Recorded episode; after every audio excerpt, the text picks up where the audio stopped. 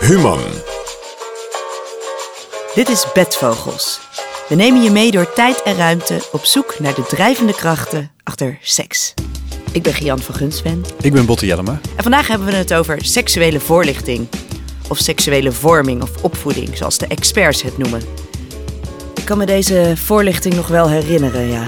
Ja, dat weet ik ook nog heel goed. Wat ik me afvroeg is hoe het kan dat het zo ongemakkelijk is om te praten over iets dat eigenlijk zo natuurlijk is. Nou ja, ik geef het je ook te doen over seks praten voor een klas vol hormonen.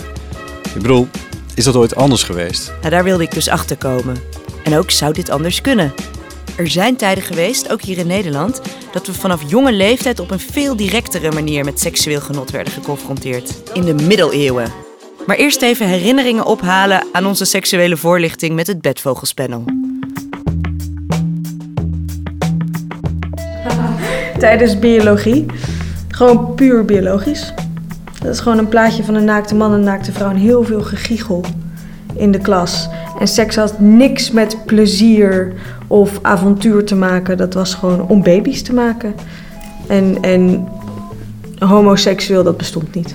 Ik had een vriendinnetje in de eerste en die was al seksueel actief. Dus, eh, en ik kon altijd met, met, naar mijn ouders toe met vragen. Dus eh, Toen wij eenmaal seksuele voorlichting hadden, toen had ik het idee van, huh, maar dit weet ik allemaal al, want eh, ik had wel eens porno gezien, dus je hebt al als mensen seks zien hebben. Maar vervolgens vroeg de biologieleraar, noem vijf functies van de vagina, maar dan bedoelden ze zeg maar... En toen zei ik plassen en toen werd ik dus door de hele klas uitgelachen, omdat ik dus dacht dat je uit hetzelfde gaatje plaste als je seks had. Dus ik wist tegelijkertijd heel veel, maar ook weer helemaal niks. Eigenlijk werd er tijdens die voorlichting niks nieuws gezegd, maar er was inderdaad vooral heel veel gegiegel en het was allemaal heel grappig dat het over seks ging en piemels en vagina's en dergelijke. Dus er, ja, ik denk dat dat ook wel een beetje de sfeer creëerde dat niemand echt nog dingen durfde te vragen die hij nou echt wilde weten. Ik had wel gehoopt dat ik, dat ik had geweten wat anaal was. Want omdat ik homo ben en ik had geen idee hoe dat eh, werkt. Ik wist wel, ja, het moet dan eh, van achteren. Maar ja, dat, dat is natuurlijk überhaupt, als je al de beknopte eh, lessen van biologie hebt, dan is dit het laatste wat je, wat je uitgelegd wordt natuurlijk. Het was voor mij niet echt informatief. Het was een condoom om een banaan doen ook en dat was het eigenlijk. Het was gewoon niet genoeg. Iedereen bleef eigenlijk met meer vragen zitten dan, dan dat ze beantwoord waren. Juist op een leeftijd waar het zo belangrijk is dat je dat gewoon aanspreekt en dat er over gepraat mag worden. Ik denk, eh, heel plastisch gezegd, dat een banaan qua vorm redelijk eh, de lading dekt, om het maar letterlijk zo te zeggen. Dit is Robert van der Gaag. Ja, ik ben Robert van der Gaag. Ik ben adviseur gezondheidsbevordering bij GGD Hollands Midden. Bij ons in Nederland zijn de GGD en Rutgers de belangrijkste instanties die nadenken over seksuele vorming. Seksuele voorlichting of seksuele vorming, zeg ik liever, is eigenlijk een aansluiten bij de ontwikkelingsvragen die een kind in elke fase heeft. En die begint volgens Robert al vroeg. Ja, eigenlijk al bij baby's. Zo vroeg. Dus als je net bent geboren, heb je al een seksuele beleving? Ja, maar de meeste kinderen leren pas over seks als de hormonen gaan opspelen. Als puber op de middelbare school. De GGD waar Robert werkt maakt hiervoor lespakketten. Waar het gaat om de ontwikkeling van kinderen en jongeren, zijn er eigenlijk vier hoofdlijnen die eh, belangrijk zijn.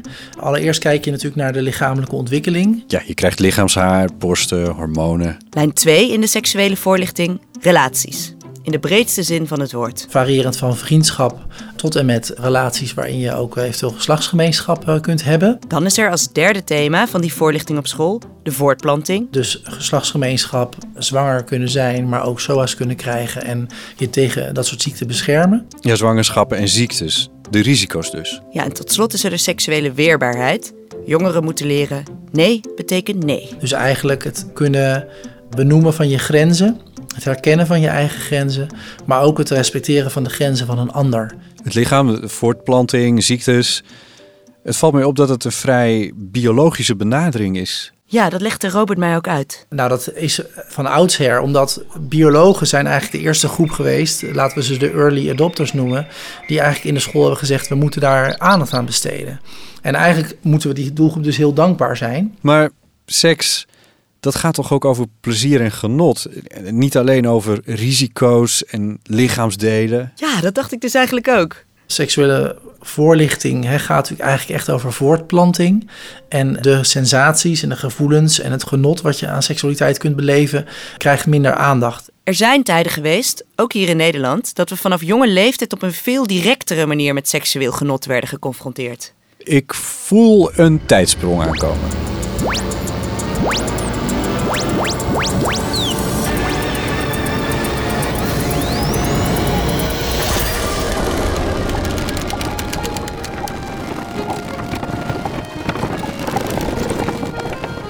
We zijn in de middeleeuwen met Shanna Zwiep. Ehm, ja, die seksuele ontwikkeling. Shanna is pedagoog en ontwikkelingspsycholoog. En ik heb me gespecialiseerd in seksuele ontwikkeling en opvoeding van jonge kinderen van 0 tot 12 jaar. Shanna geeft aan de Universiteit van Amsterdam het vak seksuele opvoeding in een maatschappelijke context. En dat houdt in dat ik heel erg rekening hou met dat seksuele opvoeding ook weer vrij normatief is, zoals opvoeden in het algemeen. Ze wil met haar lessen laten zien dat je op verschillende manieren naar seksuele opvoeding kan kijken en ermee om kan gaan. Dat het in andere culturen anders gaat, dat komt aan bod.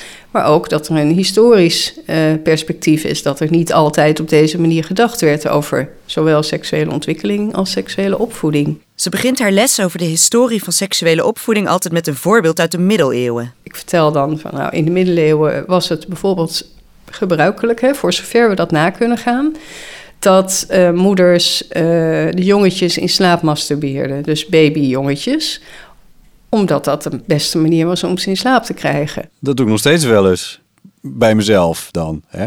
De studenten reageren vaak nogal verbaasd op dit voorbeeld dat geeft altijd wel even een schok. Want dat betekent dat je op een heel andere manier kijkt van... goh, volwassenen die iets seksueels met kinderen doen... nou, daar zouden we nu onmiddellijk uh, het meldpunt kindermishandeling uh, voor bellen. Of het zou in ieder geval hè, de alarmbellen doen rinkelen. Met het voorbeeld wil Shanna dus vooral laten zien... dat onze manier van naar seksualiteit kijken... geen vaststaand gegeven is.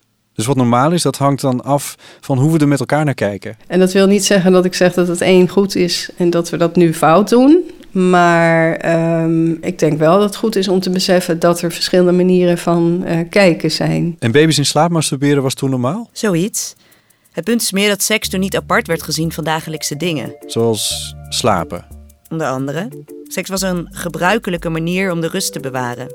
Het was iets normaals wat er gewoon bij hoorde dat niet per se met lust te maken. Eigenlijk is het zo dat tot uh, het eind van de middeleeuwen uh, kinderen gewoon een onderdeel waren van het dagelijkse bestaan. En ook vaak in één ruimte sliepen. Met zowel de dieren in het huishouden als uh, opa's en oma's en andere aanverwanten en vader en moeder. En daardoor ook gewoon ja, alles meemaakte wat onderdeel van het leven was. Zowel ziekte als dood, als uh, seks, als geboorte. In de middeleeuwen was er in die zin dus een veel natuurlijker manier van hoe kinderen voor het eerst met seks in aanraking kwamen. Terwijl dat dus niet bewust een educatief doel had. Het was gewoon eigenlijk door, noodgedwongen door de omstandigheden dat kinderen dat er niet moeilijk over seks werd gedaan. Aan het eind van de middeleeuwen begint dat te veranderen. He, dan ben je wel meteen een paar eeuwen verder, maar Mensen kregen grotere huizen, trokken naar de stad. En kinderen kregen vaker een eigen slaapkamer. En konden daardoor ook niet meer getuigen zijn van de alledaagse gebeurtenissen, zoals seks. En zagen ze het ook niet meer bij de dieren als ze in de stad woonden, zeg maar. Na de middeleeuwen werd er ineens heel anders naar het kind gekeken. En daarmee veranderde ook het verband tussen opvoeding en seksualiteit. Nou, dan krijg je op een gegeven moment nou, de eeuw van het kind. Ergens 1700, 1800, tijd van de verlichting, waarin filosofen dachten van het moet allemaal anders. En de, de kinderstatus werd vergroot in plaats van dat een kind een soort kleine volwassene was. Dat betekende ook dat er langzamerhand uh, aandacht was voor hoe moet je kinderen opvoeden. Onder invloed van de kerk werd seks iets waarover je leerde in voorbereiding op het huwelijk. En dan ging het alleen over voortplanting en het voorkomen van onzedelijk gedrag. Uh, dus plezier in seks was natuurlijk helemaal niet zo aan de orde. Maar wat heeft dat dan te maken met de seksuele opvoeding van nu? Waarom is die nu zo gericht op gevaren en risico's? Shanna vertelde me dat daar twee oorzaken voor zijn. De oorsprong is een beetje te vinden in de jaren 80. Toen er een grootschalig onderzoek in Nederland is gedaan naar incest en seksueel misbruik met verwanten enzovoort, vrienden enzovoort. Uh, dus volwassenen die kinderen misbruikten. En dat werd natuurlijk versterkt door de zedenzaak met Robert M. in 2010 in Amsterdam. Ja, en ik moet ook denken aan dat gedoe met de katholieke kerk en de AIDS-epidemie van de vorige eeuw.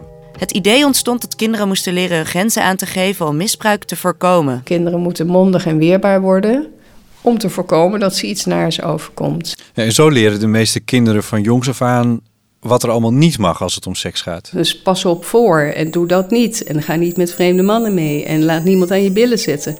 Shanna zou het liever anders doen. Ja, niet tot met die billen, maar meer op een positieve manier. Vanaf de peutertijd. In die kindertijd, vanaf nul jaar, start het al. En dat betekent dat je eigenlijk ook dan al op een positieve manier zou kunnen begeleiden. Namelijk door te vertellen dat uh, alle uh, onderdelen van het lijf naam hebben. Dat er geslachtsdelen zijn die een naam hebben. Dat dat uh, prettig kan voelen als je eraan zit. Of als je het te hard doet, niet. Robert vindt dat ook. Je kan niet vroeg genoeg met de seksuele opvoeding beginnen. Zolang het maar aansluit bij de leeftijd van het kind. Dan zie je aan het kind wel of wat je vertelt aankomt. En als een kind het afwijst of een kind kijkt er heel raar naar, dan zijn dat tekenen waar je iets mee kunt. Als een kind er totaal niets van begrijpt, dan ben je iets vooruitgelopen in de ontwikkeling. Wijst een kind het af, dan zou het kunnen zijn dat je dan al een stukje achteraan loopt, omdat een kind eigenlijk denkt: dit heb ik al lang bedacht of ik heb het al uitgezocht. Uh, en als een kind het herkent en dat positief ontvangt, dan zit je waarschijnlijk heel goed in de ontwikkelingsfase en sluit je eigenlijk aan bij wat het kind zelf ook aan het bedenken of aan het voelen is. Seksles op de middelbare school is dan ook te laat. Veel te laat, ja, want dan is het al een gênant onderwerp. En behalve gênant kan het ook nogal verwarrend zijn. Als je twaalf jaar hebt geleerd dat niemand aan je billen of aan je buik mag zitten, is dat natuurlijk een hele dubbele boodschap als dat opeens daarna kennelijk wel mag, tot op zekere hoogte. En is school eigenlijk wel de aangewezen plek voor die voorlichting? Shanna en Robert vinden dat het een vanzelfsprekend onderdeel moet zijn van de hele opvoeding.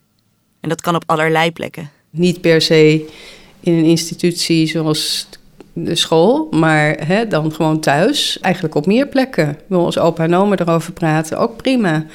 Maar dat je de indruk geeft dat het een onderwerp is wat gewoon bespreekbaar is. En waar niet gênant over gelachen mag, hoeft te worden. Wat wel mag trouwens, maar ja, vanuit een andere lading. Robert had het tegen mij de hele tijd over spiegelen. Kinderen doen na wat ze in hun omgeving zien. Een mooi voorbeeld is dat een vader en een moeder elkaar nooit in het openbaar kussen of nooit in het openbaar knuffelen of aanraken. Daarmee zeg je eigenlijk ook heel veel. Dus kinderen leren zeker niet alleen maar van de dingen die we ze vertellen, maar ook heel erg van de dingen die we laten zien. Dus dat we kinderen van jongs af aan meegeven dat seks erbij hoort. Eigenlijk net als de middeleeuwen. Ja, Shanna vergelijkt het met een kind leren fietsen.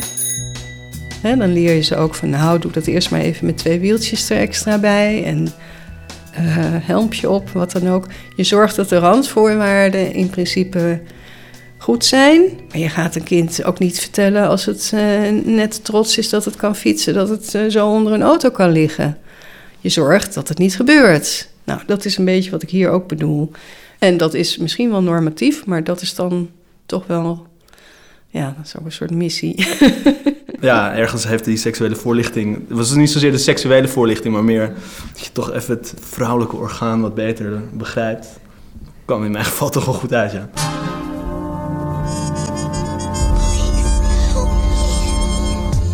Dit was Bedvogels. Gemaakt door Gian van Gunsven, Judith Konijn en Christel Sunter. Presentatie Gian van Grunsven. En Botte Jellema. Aan deze aflevering werkte verder mee Robert van der Graag van de GGD Leiden. Shanna Zwiep van de Universiteit van Amsterdam. En het Bedvogelspanel. Techniek Alfred Koster.